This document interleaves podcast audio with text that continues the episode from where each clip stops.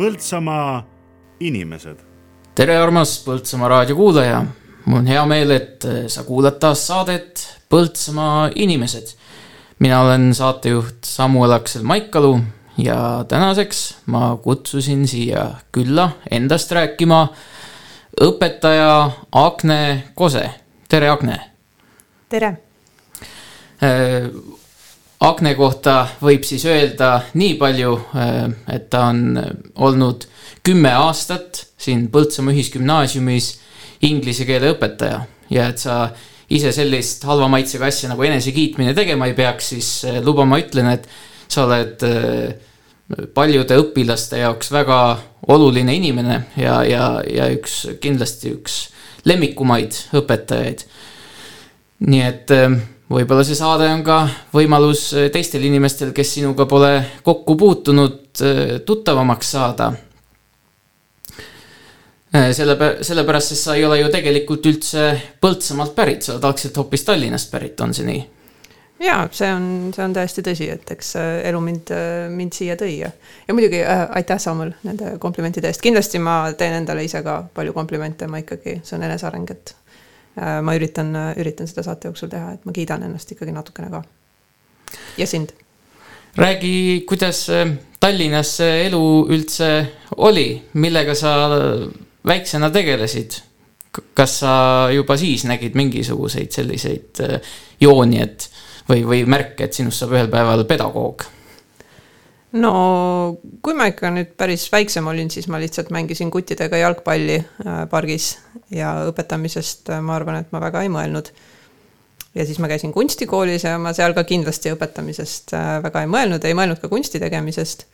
ja isegi, isegi jalgpalli mängimisest väga palju ei mõelnud, et ma ei tea, kas ma üldse jõudsingi, jõudsingi selles vanuses midagi mõelda, aga kui ma nüüd gümnaasiumisse jõudsin, siis järsku see, see rada nagu avanes minu ees ja ma teadsin, et vot see on üks asi, mille ma tahan ära proovida. et, et vist, vist ikka läheb nii, et ma selle ära proovin. mis koolis sa üldse käisid? Ähm, mina käisin Tallinna Inglise kolledžis. see on selline kesklinna kool, suhteliselt selline kodulähedane.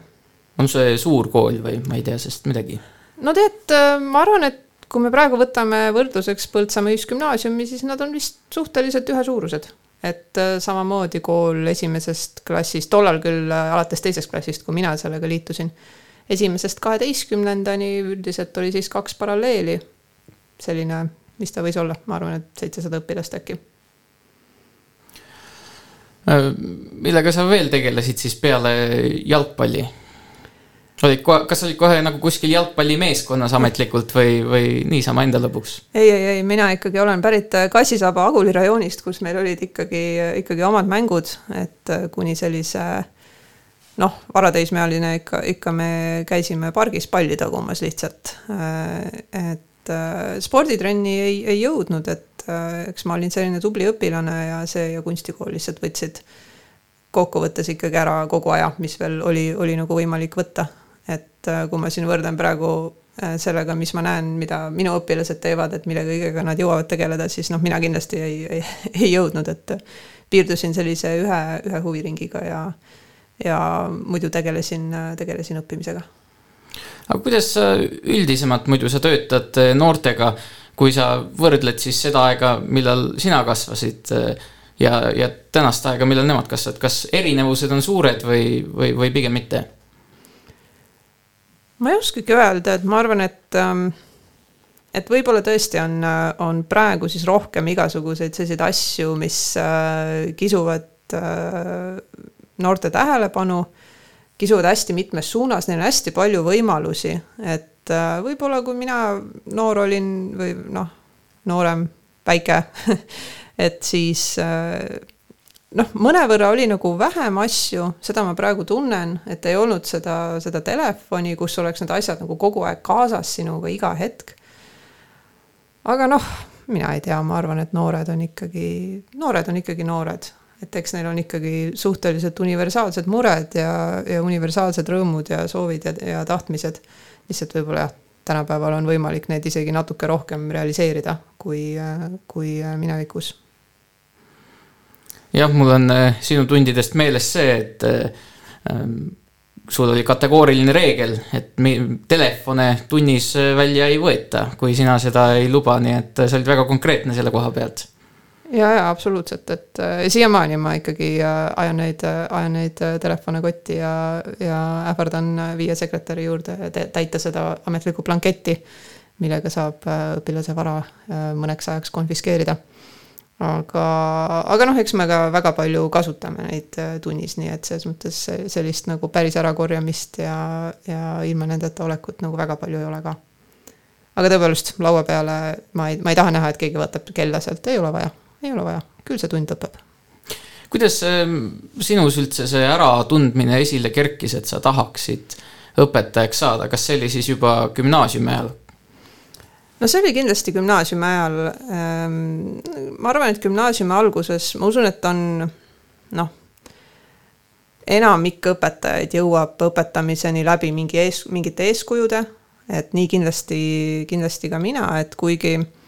kui ma mõtlen noh, mul oli selline õpetaja tekkis gümnaasiumis nagu Gerri Linnat, kes õpetas ähm, inglise kirjandust ja mõningaid selliseid aineid. Ja siis ma lihtsalt vaatasin, et vau, et ta on nagu nii tark. ma tahan ka nii tark olla, ma tahan ka nii hästi seda tarkust kellelegi kunagi nagu edasi anda või kedagi sellega aidata. ja noh, loomulikult äh, mu enda inglise keele õpetaja Kaia Noorberg nagu suurepärane inimene. et äh, ja siis noh, palju teisigi õpetajaid, et ähm, et ma arvan, et seal oli kindlasti see roll oli kõige suurem.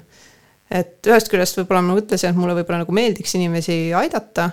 ja teisest küljest mul lihtsalt olid, olid väga head eeskujud.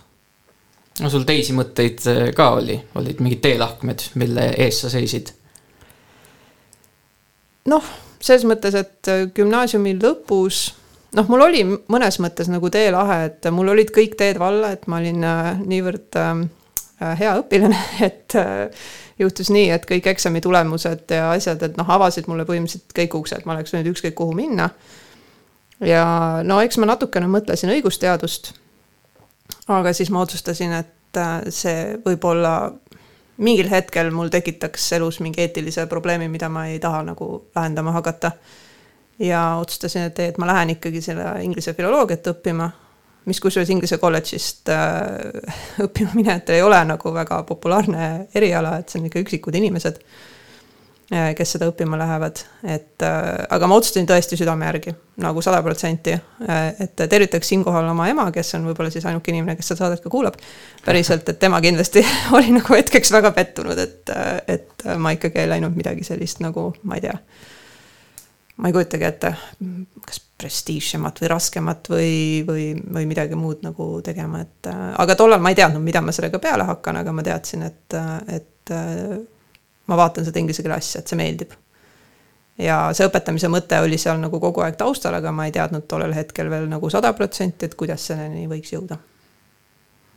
no mis kõrgkoolis sa siis äh, haridust omandasid? ma läksin Tartu Ülikooli, äh, sest sellel oli, ma ei tea, kas tal oli mingi maine või ma ei, ma ei oskagi öelda, miks, no mindi Tartusse, ütleme nii, Tallinnast minnakse Tartusse. Et see on nagu siis see, see, see ülikool, et võib-olla siis ma ei tea, kas Tartust minnakse Tallinnasse ka, nii et, et oleks kuidagi mingi selline uus, uus koht. aga seal oli väga tore, mul on sealt äh, siiamaani äh, palju häid sõpru ja tervitan Andret siinkohal, ma ei tea, kas Andre viitsib seda saadet kuulata, aga, aga väga hea, väga hea kursade. Kas, ähm, kuidas, kuidas üldse juhtub niimoodi, et äh, siis äh, üks noor inimene äh, pealinnast, Eesti kõige suuremast linnast satub sellisesse provintsi nagu, nagu Põltsamaa? et ei ole ju sellist asja nagu nõukaajal siin teinekord on mõned rääkinud, et suunatakse lihtsalt kuskile, et see oli ikkagi sinu enda valik. no, no tegelikult ega seda ei saa nüüd päris öelda, et, et üldse nagu ei suunatud, et äh, mina lõpetasin siis äh, bakalaureuse Tartu Ülikoolis, aga tegelikult juba keskkooli viimasel aastal ma olin näinud mingis, kas Terevisioonis või mingis sellises saates reklaami sellisele äh, programmile nagu Noored kooli äh,, mis on siis õpetaja liidriprogramm ja ma olin juba siis suhteliselt veendunud, et see võiks olla asi, mida võiks kunagi proovida. ja äh, ülikooli lõpus ma siis ka kandideerisin sinna kuidagi õnnestus mul sinna, äh, sinna sisse saada. Äh, kuigi noh, tollal selliseid minusuguseid päris selliseid väga värskeid kahekümne kahe aastaseid bakalõpetajaid võib-olla seal isegi nagu nii väga palju ei olnud. Ehm, ja Noored Kooli üks suur noh, eesmärk ongi, et iga laps Eestis saaks hea hariduse ja seega selline suurlinnadest väljasuundumine kindlasti oli, oli neil nagu nende jaoks oluline. et kõik, kes seda, seda soovisid, seda kindlasti väga toetati. Aga Põltsamaa tööpakkumine tegelikult, see on üks naljakas lugu, et ma olin ülikoolis veel viimastes, viimastes seminarides ja üks mu õppejõud täiesti juhuslikult mainis, et ta kuulis kuskilt, et Põltsamaal otsitakse inglise keele õpetajat, isegi seda, seda töökuulutust ma ei näinud kuskil ja siis äh, minu arust vist isegi äkki Noored Kooli minu eest äkki võttis ühendust, nii et see oli selline täitsa nagu ähm, vedamise peale läks. Ja see oli siis äh, ülikooli ajal juba, kui sa haridust omandasid? ülikooli lõpus jah, ülikooli viimasel, viimasel aastal, et äh, sest Noored Kooli programm algab kevadel ja pärast suve sa lähedki tööle. et see on selline nii-öelda crash course miks sa ju just muidu inglise keele õpetajaks läksid õppima, miks mitte mõni, mõni muu aine? no tegelikult ega ma ei läinudki õppima inglise keele õpetajaks, ma läksin õppima inglise keelt ja kirjandust, mis noh, avab teega tõlkimisse ja igasugustesse muudesse asjadesse ja on niisama muidu nagu tore.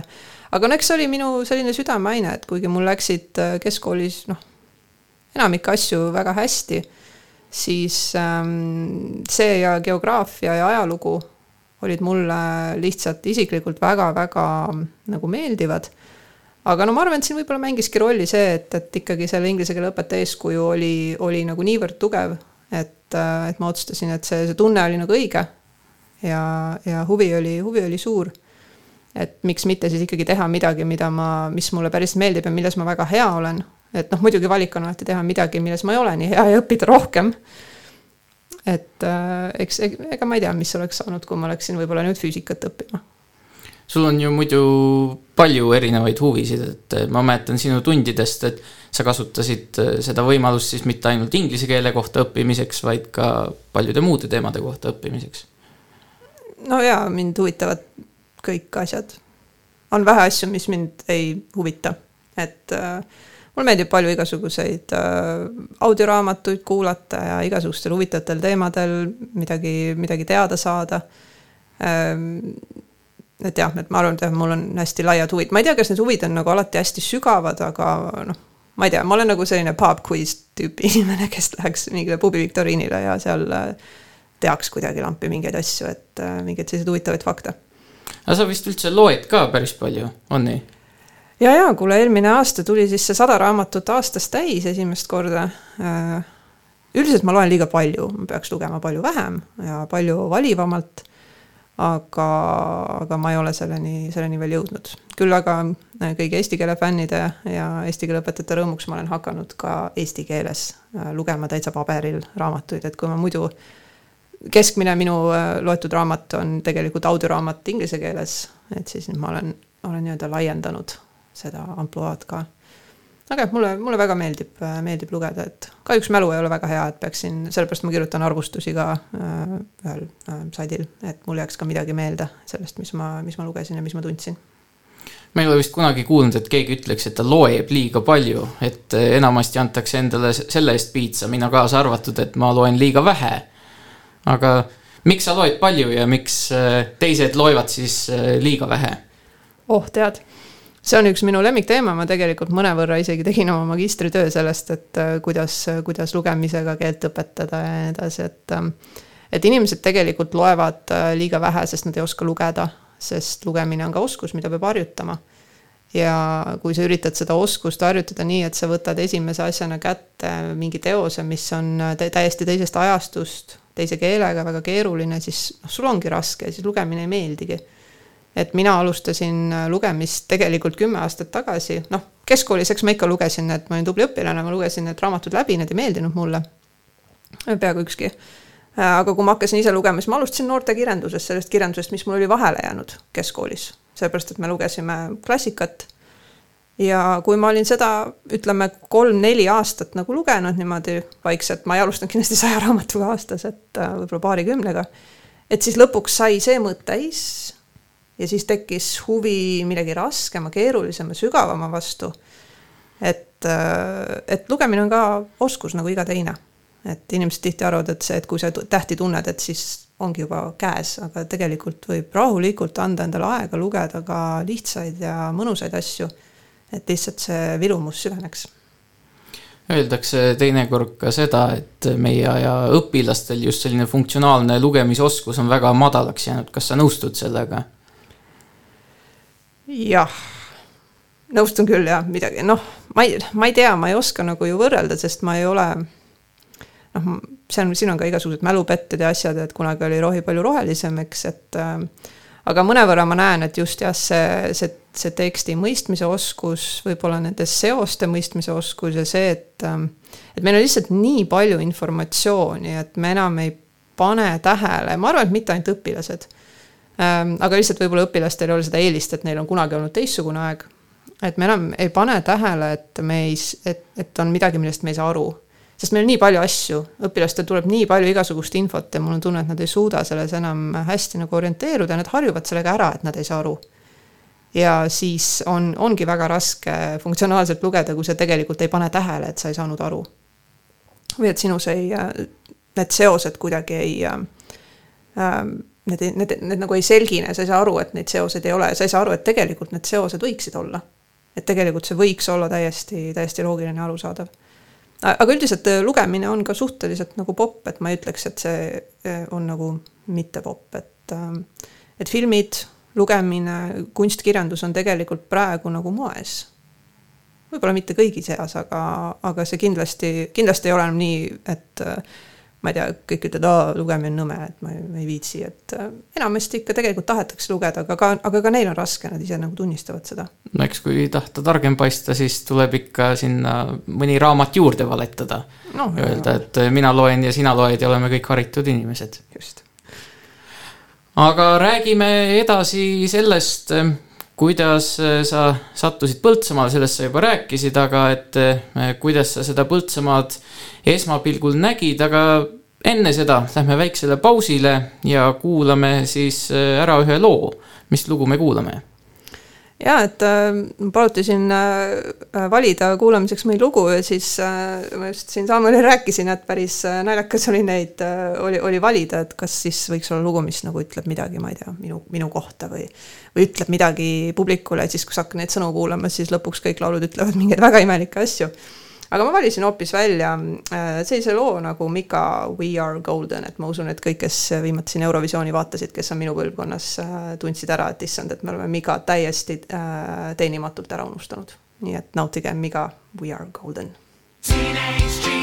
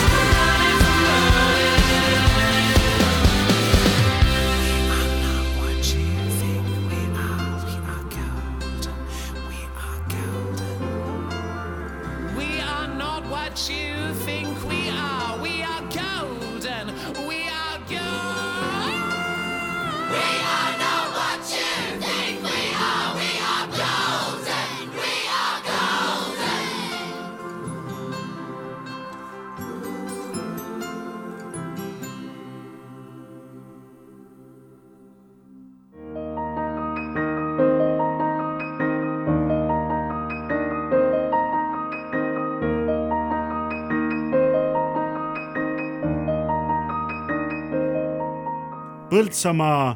inimesed. Te olete jätkuvalt Põltsamaa raadiolainel ja käimas on saade Põltsamaa inimesed. mina olen saatejuht Samuel Aksel Maikalu ja minuga siin on meie ühisgümnaasiumi inglise keele õpetaja Agne Kosk. Äh, Agne, sa oled, nagu me rääkisime, hoopis pealinnast pärit. Aga ühel hetkel sa siis sattusid äh, sellise programmi nagu Noored kooli kaudu siia Põltsamaale. kui sa siia Põltsamaale tulid, siis äh, mida sa, kas kas sa olid Põltsamaaga üldse varem kuidagi kokku puutunud? ähm,? ei olnud tegelikult. Kui ma siia esimest korda sõitsin ja siin linna, linnas ära eksisin, siis ma sain aru, et ma ei olnud siin tegelikult vist ikkagi kunagi käinud, võib-olla ainult hetkeks läbi sõitnud, kuigi tegelikult äh, meil on ka nii-öelda minu, minu ema ja vanaema noh, pigem mu ema lapsepõlvekodu Viljandis, aga millegipärast me ei olnud vist siia kunagi sattunud, nii et see oli minu jaoks tegelikult täiesti, täiesti võõras koht aga millised äh, tunded sind siis valdasid, kui sa siia äh, jõudsid? No kuna töövestlusi peetakse ikka tavaliselt siin sellisel äh, suvisemal ajal, ma arvan, et eks see umbes selline juunikuu nagu praegu võis olla, et noh, et kui sa sõidad siia linna sisse, eriti siia kooli lähedale satud, no siin on ju imeline, et inimesed mängivad seal mingi rannas võrkpalli ja see on jõgi ja ilus roheline ja park ja kõik, et noh, et see, ma arvan, jättis ikkagi, ikkagi väga hea mulje. et selline imeilus, imeilus ümbrus. et ähm, jah, et ma, ma arvan, et Tallinnast tulijale, kus noh, minu jaoks noh, kool on keset ikkagi betoondžunglit. et kus, kust umbes välja minemine on keelatud ja, ja ega sul sinna ei ole ka väga kuhugi nagu minna et selline täiesti, täiesti teistsugune, ma nägin kohe, märkasin neid spordirajatisi ja asju, et, et ma arvan, et tegelikult äh, Põltsamaa Ühisgümnaasium jätab ülihea mulje äh, väljastpoolt tulijale, eriti suuremast linnast tulijale, kui siia esimest korda sattuda.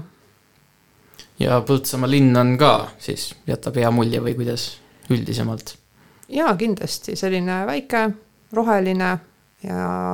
ja kuidagi sellise kompaktse suurusega, samas on üllatuslikult hästi palju poode, kõik on nagu olemas, et, et ma arvan küll, et elukeskkonnana väga, väga tore koht minu arust sul on äh, kindlasti palju sõpru, tuttavaid nii Tallinnast kui ka mujalt Eestist, et kas nemad ikka kõik teavad, kus Põltsamaa on või tuleb ka seda ette, kus sa pead seletama, et see on see koht, kus sa Puhu ristis pead viiekümne peale tõmbama vahepeal ja näed Olereksi? no ma pean ütlema, et tihti on probleemi selle Põltsamaa ja Põlvaga, et seda ma olen ikkagi pidanud päris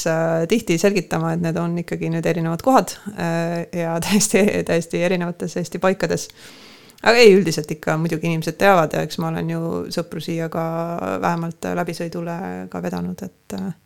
et ei, küll nad, küll nad ikka teavad, ma olen, ma arvan, seda teavitustööd päris hästi teinud. et ei ole Põlva no sa ütlesid, et äh, sinu kool oli keset betoondžunglit ja siis siin on selline väike ja,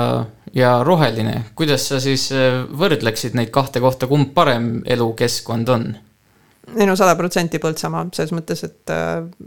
ma ei tea, eriti vähemalt lastele kindlasti, peredele, et noh, siin ei ole tegelikult ju küsimust, et kas see on siis nüüd Tallinna kesklinn või see on, või see on Põltsamaa, et ähm, see on selge, et see on tervisele parem, see on ilmselt äh, vaimsele tervisele äh,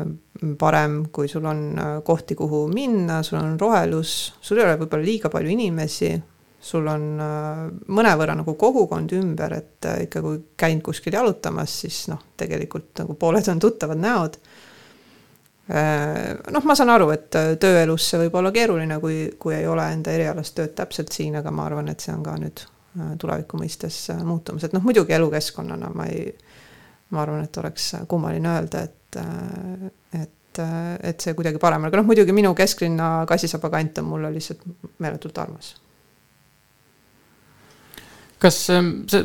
tihtipeale räägitakse, et näed, et sellised Põltsamaa inimesed ja väikelinnade inimesed on hoopis teistmoodi kui need Tallinna inimesed, aga kuidas sina seda näed? nojah, noh, eks, eks ikka on, et selles mõttes, et pigem see ei ole nagu üldse, et väikelinnade, aga siin on, ma arvan, et Põltsamaa on siin üks päris eriline väikelinn, see on selline ma olen seda vist kirjeldanud niimoodi, et äh, inimesed ei saa aru, kui hea siin on, et siin ei ole mitte nagu selline mull, vaid siin on lausa nagu kuppel, et sa saad nagu sinna koputada ja see kõmiseb. et kuivõrd sellises ähm, stabiilses ja homogeenses äh, mullis te tegelikult elate äh,, mida ei ole kindlasti kõigis väikelinnades, sest see oleneb väga sellest, et äh, kuidas see väikelinn alguse on saanud Ehm, ja sellest sõltub ka väga palju, et milliseid, äh, milliseid probleeme seal võib olla ja noh, loomulikult sellisest äh, suurema linna anonüümsusest on see väga erinev. et selline mõnevõrra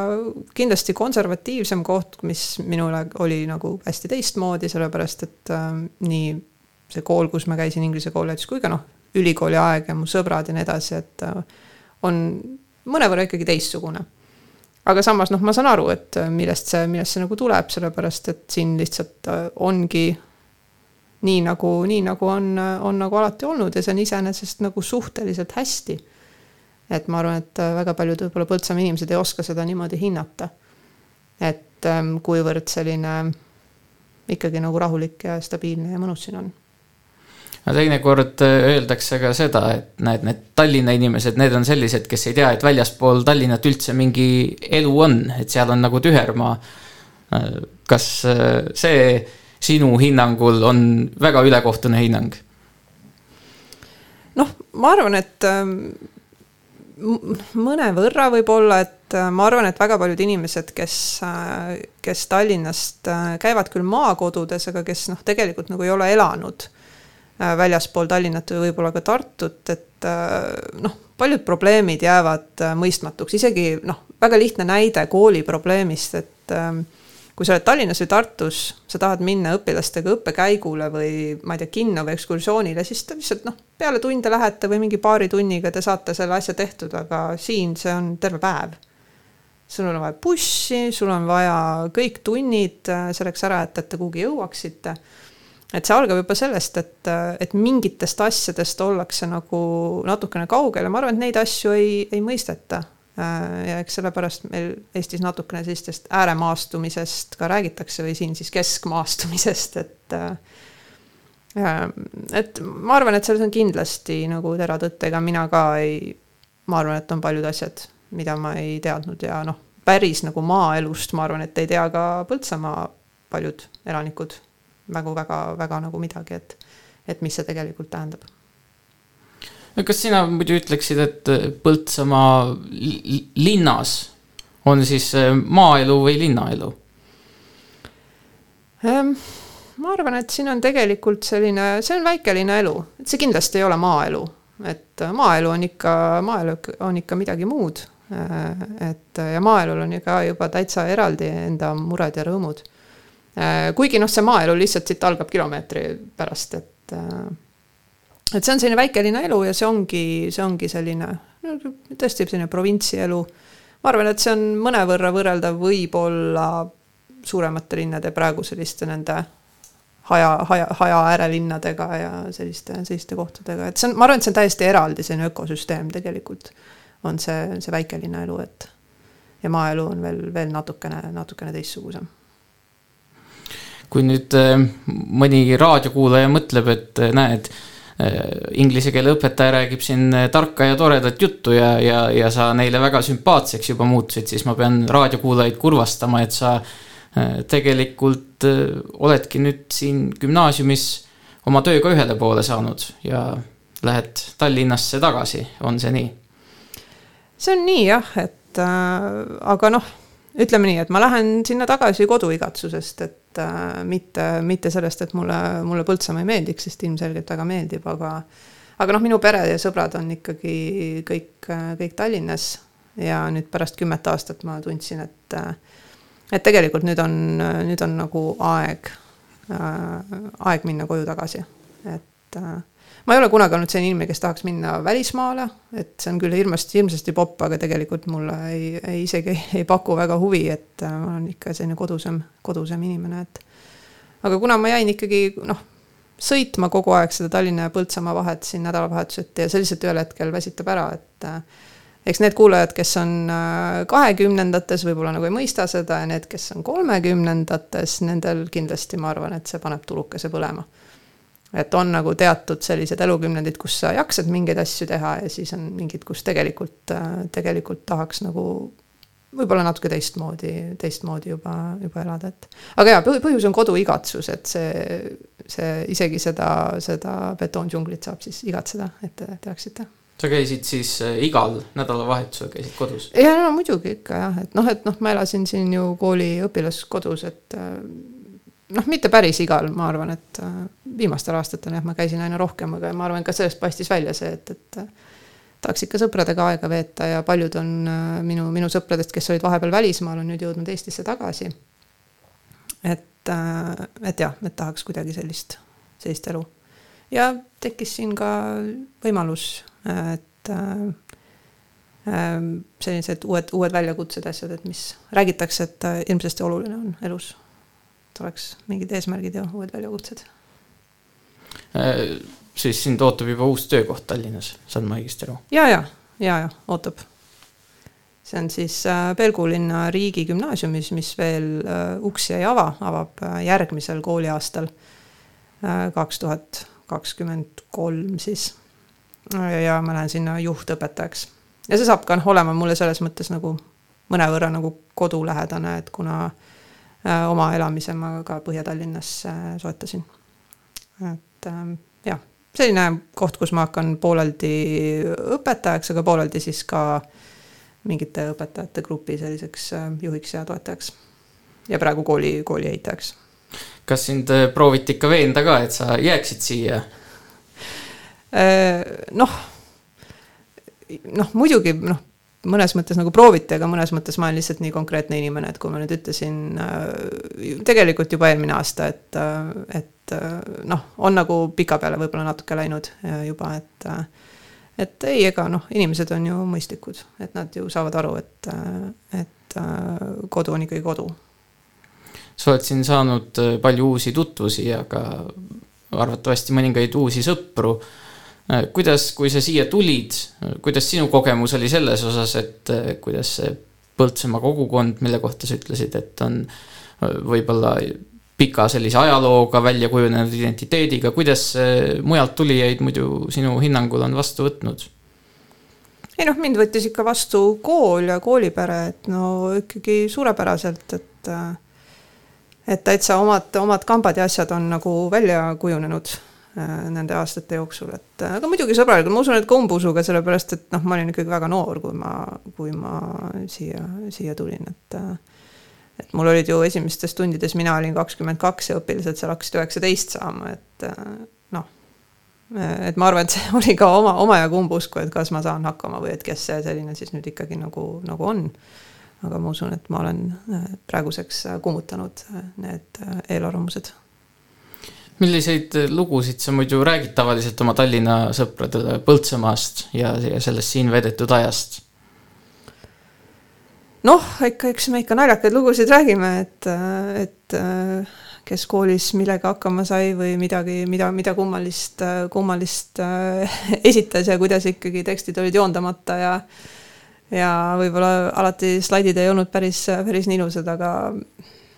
ei, tegelikult me räägime hoopis sõpradega hästi palju haridusest, sest neid hästi palju huvitab haridus ja neil ei ole seda kogemust, seda tänapäeva noorte kogemust, et, et seda küsitakse mult ka mujal hästi palju, et, et mida need noored ikkagi arvavad ja mis nad sellest mõtlevad ja miks nad nii käituvad ja miks nad naa teevad ja miks see neile korda ei lähe ja miks see asi neile nii hirmsasti korda läheb ja ja kas see paistab ka kuidagi koolis, koolis välja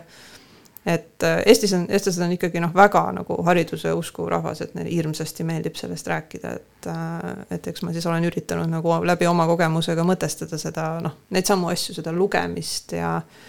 ja, ja tähelepanu ja, ja süvenemist ja ja üldse, et mis, mis meie tulevikust saab, et kas tulevik on hukas nüüd või, või ei ole või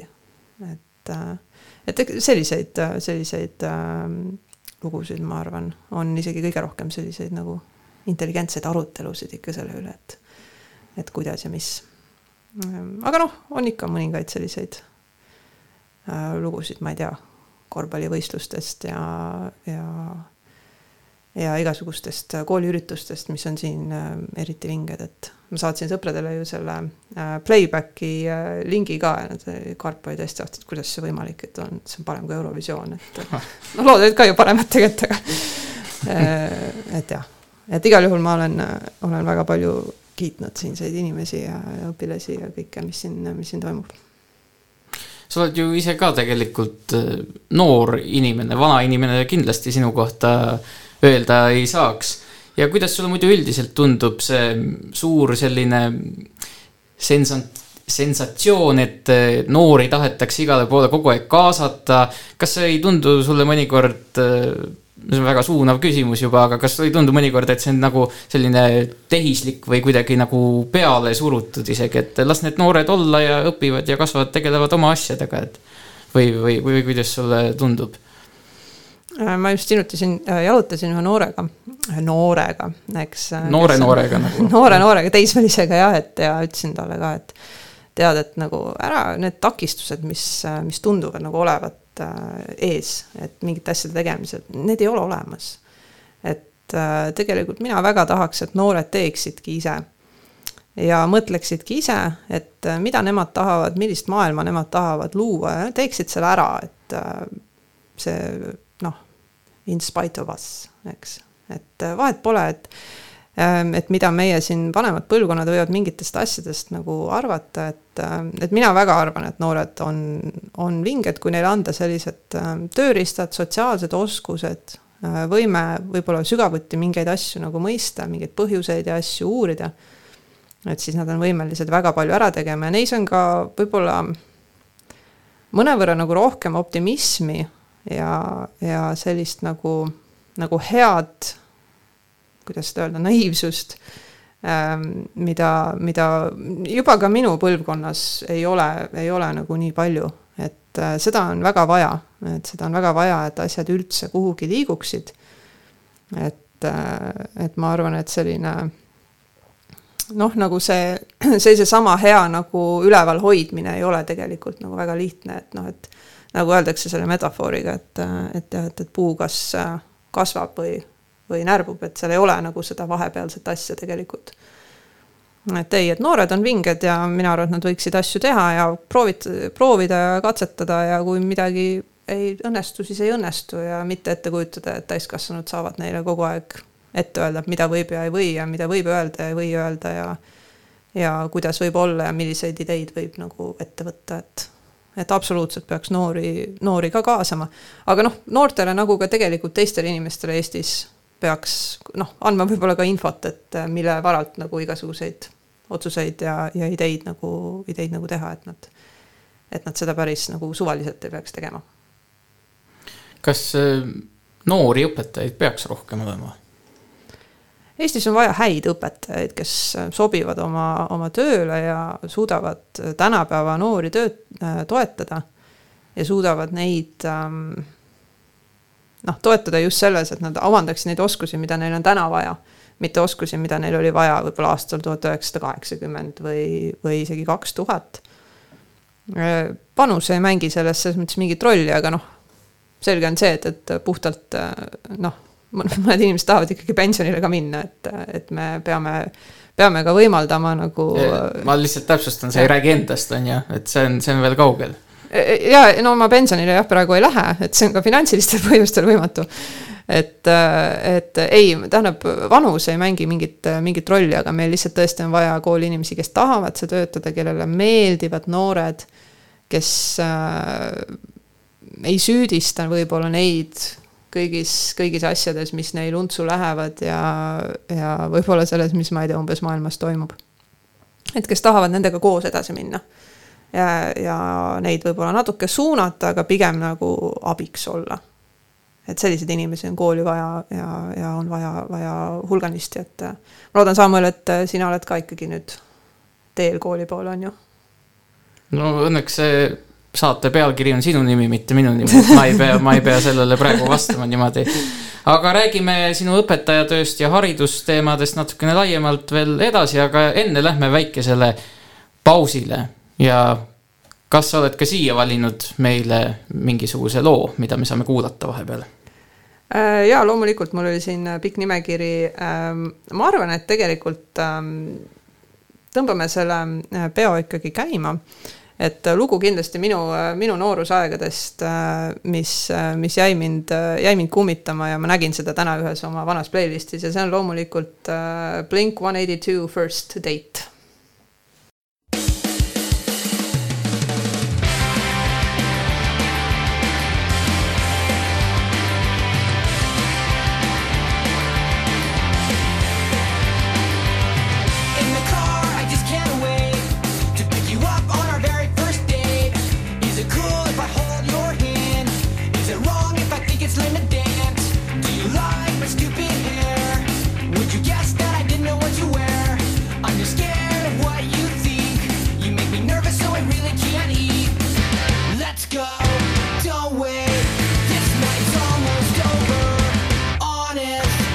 me.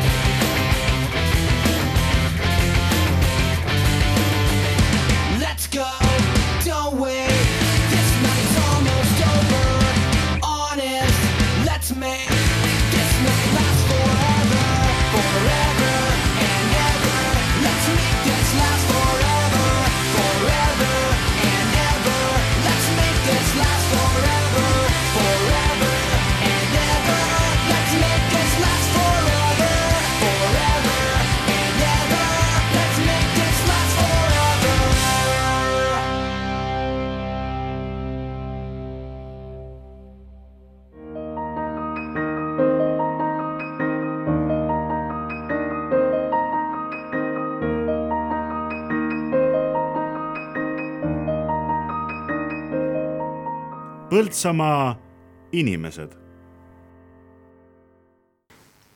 ja oleme pausilt tagasi. käimas on jätkuvalt saade Põltsamaa inimesed, mina olen saatejuht Samuel Aksel Maikalu ja ma istun siin ühe laua taga Agne Kosega, kes äh, oli Põltsamaa Ühisgümnaasiumis inglise keele õpetaja kuni siis äh, hiljutise ajani aga räägimegi natukene sellest, eh, kuidas sinu need õpetajapäevad eh, siin Põltsamaal möödusid. Eh, luba, ma alustan oma väiksest kogemusest, et kui mina sinu klassi esimest korda tulin, siis esimene asi, mis öeldi muidugi, et kui keegi pani koti laua peale oma sellises na naiivses lootusrikkuses ja, ja siis sa ütlesid kotid laua pealt maha ja näitasid siis, osutasid kohe sildile, mis oli seina peal, et telefone siin ei kasuta, õpetaja rääkis äh, väga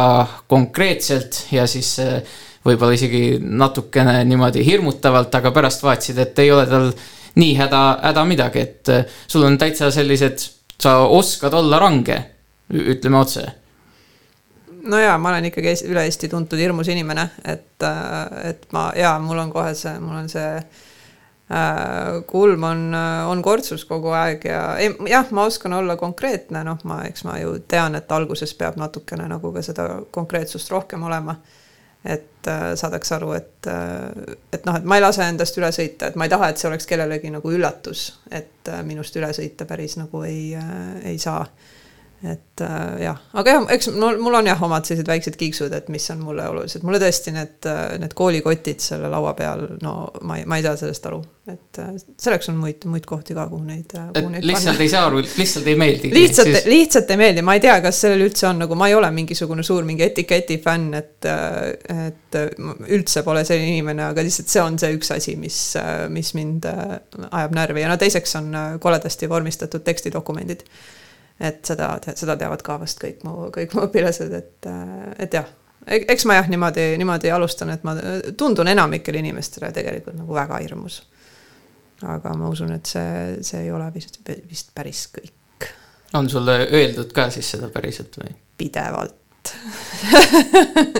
ja ei, pidev ja, ja see on ikkagi saatnud mind kogu, kogu elu, et ühtlasi on ka ikkagi see, et, et kui ma mõtlen, siis ma kortsutan kulmu ja siis inimesed ehmatavad ära aga see on lihtsalt mu nägu, midagi ei ole teha. aga gümnaasiumiõpilased vist ei vajagi enam nii palju, et piisab ühest korrast ütlemisest või kuidas, et see kõige hullem iga on möödas? noh, kõigil on paremaid ja halvemaid päevi, kus asjad lähevad meelest ära ja kus karikas on nii täis, et, et sa lähed selliste vanade, vanade mm, rütmide juurde tagasi, et ma arvan, et on palju asju, mida, mida peab ka gümnasistidele, mida peab ka täiskasvanutele mitmeid kordi ütlema, enne kui, kui päriselt nagu kohale, kohale jõuab, et aga noh, muidugi gümnaasiumi noored, eks nad ise ka ju äh, Nad tahavad ennast hästi tunda ja eks nad tunnevad ju ennast hästi, kui on positiivne õhkkond ja, ja üks osa sellest positiivsest õhkkonnast on see, et, et me üritame üksteist nagu mitte häirida. näiteks panna kotte laua peale möödunud suvel käis õpetaja Ene Kase, käis siinsamas saates ja tema siis rääkis, et, et jah, tuleb osata range olla, aga äh, tuleb ka teinekord tunnistada, kui võib-olla ise mindi liiale ja siis ta veel ütles sellise ilusa lause, et ei ole nii, et õpetajal ei kõlba minna öelda, et vabandust, et kas ma kuidagi riivasin sind liiga palju, et kas on ka selliseid momente ette tulnud? Äh, ja, ja et noh, kuna ma pole siin suu peale kukkunud, et siis ma olen ikkagi suur vabandaja pidanud elus olema ja olen ka saanud õpilaste ees vabandada igasuguste asjade eest, äh, kus ma olen võib-olla olnud kas ka liiga, lihtsalt liiga järsk või lihtsalt natuke liiga palju nalja teinud. Ähm, et ei, muidugi seda tuleb ette, et ma arvan, et see on väga oluline, et, et täiskasvanud mudeldaksid Äh, noortele seda, mida me nagu ise nendelt, äh, nendelt ootame, et kuidas konflikte lahendada ja kuidas nüüd siis, mida siis teha, kui näiteks tõesti katus sõitis ära ja ja ütlesid teisele, teisele päris halvasti, sest sul oli, ma ei tea, halb olla ja magamata või ma ei tea, niisama närvis, et et ma arvan, et seda on, seda on väga oluline näidata, et kuidas tegelikult äh, siis nagu peaks üritama heastada seda, seda kõike, mis sa siis äh, oled kokku keeranud. aga jah, et noh, kuna ma olen jah natukene suure suuga, et siis ma ikkagi vaba, vabandamine on kindlasti minu, minu elu osa, et äh, vabandan siin nüüd kõige ees, kus, kes on jõudnud selle saate jooksul äh, saada riivatud see, et selline lõpukõne, kus tänatakse ja, ja vabandatakse ja. ka siis ühes, jah? absoluutselt sa mainisidki siin, et ise tuleb eeskujuks olla ja mul tuleb meelde, et Marju Lepajõe on kunagi öelnud, et õpetamine algabki isiklikust eeskujust. sul on tavaliselt tunnis äh, kümme kuni viisteist õpilast umbes niimoodi ja see äh, on paras klass, millega töötada, et sa saad kõigile kuidagi personaalselt läheneda. kas äh, kuidas sa oled näinud, et kas sinu isiklik eeskuju on siis kedagi mõjutanud või kuidas sa üldse seda lahti mõtestad enda jaoks? Noh, näinud, noh, ma arvan, et ähm, on päris mitmed inimesed, kes on seda ise öelnud, et see on neile korda läinud, et hiljuti mulle just äh, kirjutas üks, äh, üks õpilane päris, päris mitmete aastate tagant, võib-olla ütleme siin kuue-seitsme aasta tagant, et äh, kes ütles, et talle, talle läks, läks väga hinge, läksid meie tunnid väga hinge ja eks seda on olnud mulle minu ainsa klassi õpilased, mille klassijuhataja ma koos Maris Olevaga olin ja ähm, et noh, eks, ja eks see ikkagi nagu paistab välja, see paistab mingisuguste võib-olla nagu käitumuslike asjadega, et inimesed kuidagi suudavad ennast natuke lõdvaks lasta, kes, kes võib-olla varem väga, väga kartsid, et kasvõi siis tunnis, tunnis rohkem osa võtta, rääkida. et noh, paljud tulevad tegelikult ikkagi põhikoolist mingil määral nagu mingite selliste ma ei tea, traumadega. Et neil on vaja natukene nagu harjuda sellega, et gümnaasium on, on teistsugune koht, et ma arvan, et seda ma olen näinud päris palju. ma olen näinud sellist soojemat suhtlemist ja, ja ka seda, et, et võib-olla natukene nagu mõeldakse enne, kui, kui öeldakse, üritatakse nagu noh, ma ei tea, kas just minu nagu eeskujul, aga, aga üritatakse natukene jah ähm,, kuidagi nagu toredamad üksteisega olla sest ma seda ka mõnel mõral nagu ikkagi kuri, nagu ma olen oma klassiruumis nõuan, et me üksteisega, üksteisega ikkagi toredad oleksime. aga kui sa lubad, siis ma kirjeldan eh, oma kogemust edasi, et muidu eh, raadiokuulajale jääb mulje, et eh, see Agne ongi üks hirmus inimene, et, et kui esimene ehmatus on möödas, siis saab sinu tunnis kohe tähele panna seda, et kõik tunnid on väga äh, metoodilised ja need on väga nagu põhjalikult äh, ette valmistatud, et äh, ei ole midagi sellist ülejala tegemist või et räägime täna, täna niisama juttu, et näiteks sul on ju äh, ma arvan, et sa siiamaani ju teed seda, et iga nädal on need sõnade tööd või need sõnade testid. et kuidas sa oma tunde siis ette valmistad ja kas sul on mingisugune kindel selline metoodika või mingisugune selline abc, mida sa, mida sa järgid? No mul on väga hea meel, et on jäänud mulje, et kõik mu tunnid on hirmsasti ette valmistatud ja hullult äh, metoodilised äh,. no tegelikult, eks see tuleb aastatega, et äh, alguses loomulikult tulebki iga asi ette valmistada, aga, aga lõpupoole siin on juba asjad tulnud üsna lihtsalt, et jah, loomulikult need sõnad on muide täiesti, täiesti endiselt teemas Ehm, ma arvan, et ma lähtun alati sellest põhimõttest, et me üritame nagu lüngad ära täita, et me alustame sellest, et, et noh, kui me mingist teemast rääkima hakkame, olgu siis haridus või keskkond või, või ma ei tea, sotsiaalprobleemid, et me saame nagu aru, millest me üldse räägime. me üritame täita ära need lüngad, mis on jäänud mingites muudes täiesti inglise keele välistes äh, teadmistes. Ehm, üritame hästi palju sõnu seletada, et äh, me päriselt aru saaks, millest me räägime ja, ja eks noh, üldiselt äh, tegelikult need meetodid, mida ma kasutan, on enamasti hästi lihtsad, ähm, mis ei vaja tegelikult äh, ettevalmistust. Äh, hästi palju sellist, et räägi oma pinginaabrile, räägi, rääkige rühmas, rääkige asjad läbi, vaadake, et kõik rääkida saaksid, et selliseid asju, et mul on tunne, et, et kui ma küsin, noh, ma jõuan võib-olla küsida ühte-kahte õpilast, et, et on hästi oluline, et kõik saaksid oma mõtte välja öelda, ka need, kes võib-olla kätt tõstma ei, ei, ei kipu.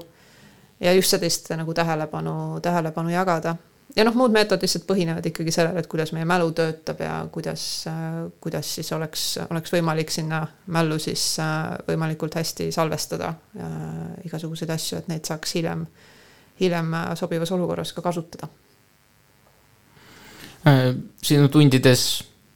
tuleb mulle meelde ka kindlasti see, see on nüüd vist siis kolmas asi, mis siis, mis siis äh, kuidagi sealt, kui see lugu nüüd ühte narratiivi niimoodi panna, et sa oled ikkagi võrdlemisi äh, familiaarne õpilastega. et nimelt sa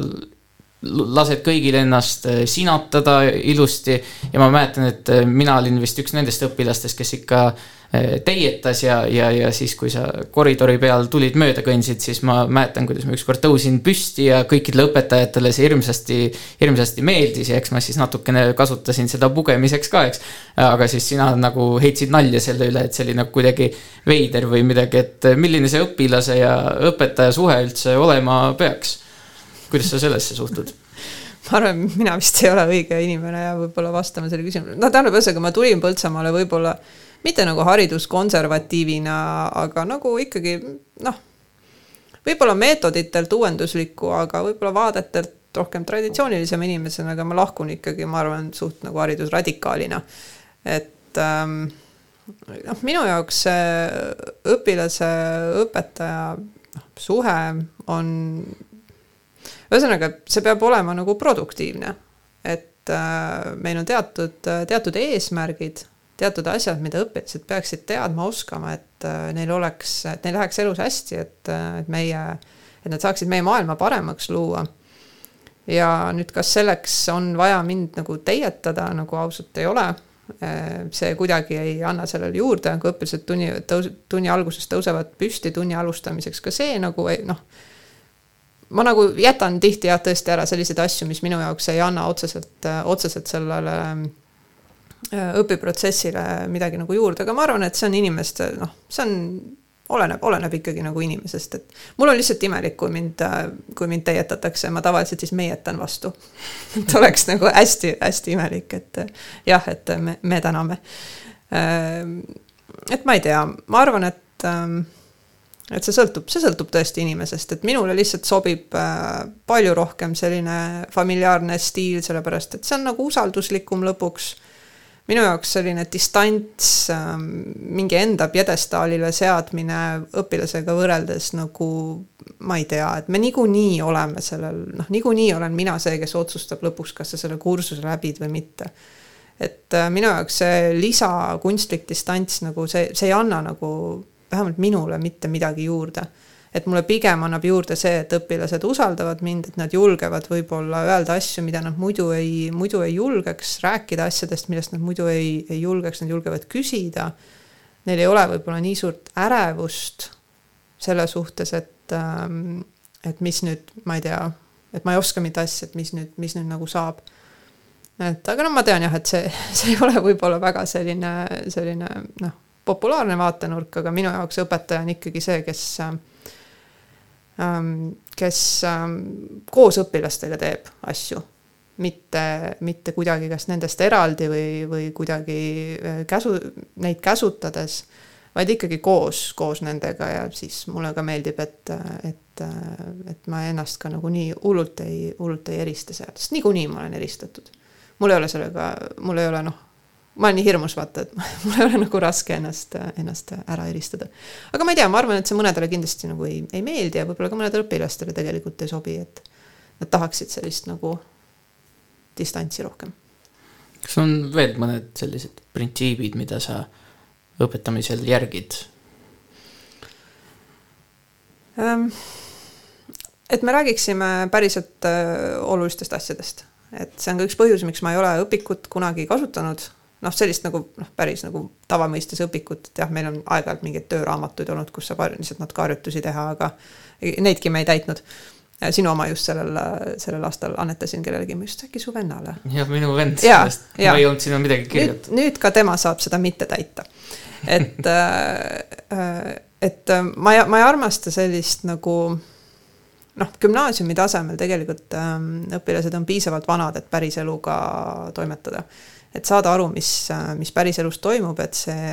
mul on ikkagi tunne, et see õpiku lehekülgedel on alati natukene sellise roosa vahuga kaetud, kokku võetud, võib-olla ta ei ole võib-olla alati nii päevakajaline. et, et ma väga tahan, et me räägiksime päriselt sellest, mis toimub ja et me ei varjaks neid asju õpilaste eest või, või ka ühtlasi ka sellepärast, et me ise nagu võib-olla ei tea nii hästi et äh, see on, see on tohutult oluline, see on ka see asi, mille eest ma olen nagu õpilastelt kiita saanud, et me nagu saame teada asju. Äh, me tea-, me saame nagu teada, mis maailmas toimub, vähemalt mingil, mingil tasandil. sest õpilased tihti kipuvad jääma natukene nagu võib-olla sellisele noh, nagu suvalisele tasandile, et võib-olla nad Tiktokis näevad midagi, et noh, nad ei, ma saan aru, et nad nagu ei jälgi nagu mingi uudiseid, nad ei käi väga tihti uudisteportaalides. et siis on hea, kui me vahe, vahepeal natukenegi natukenegi nendest asjadest räägime. kõik eh, head asjad peavad ükskord otsa saama, kaasa arvatud eh, see saade.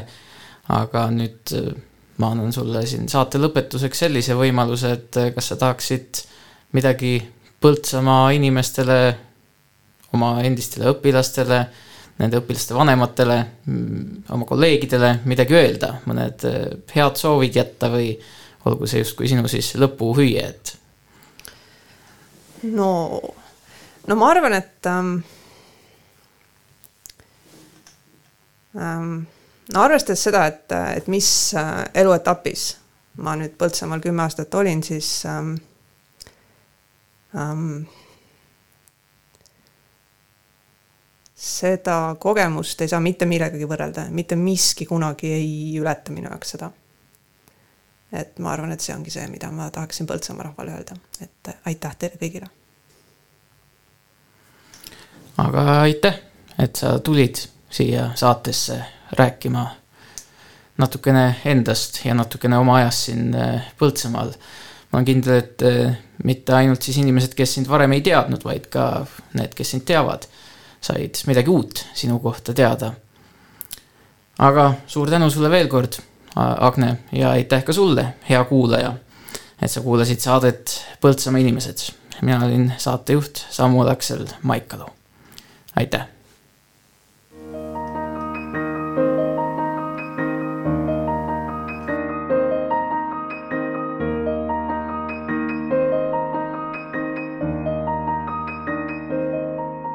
Põltsamaa inimesed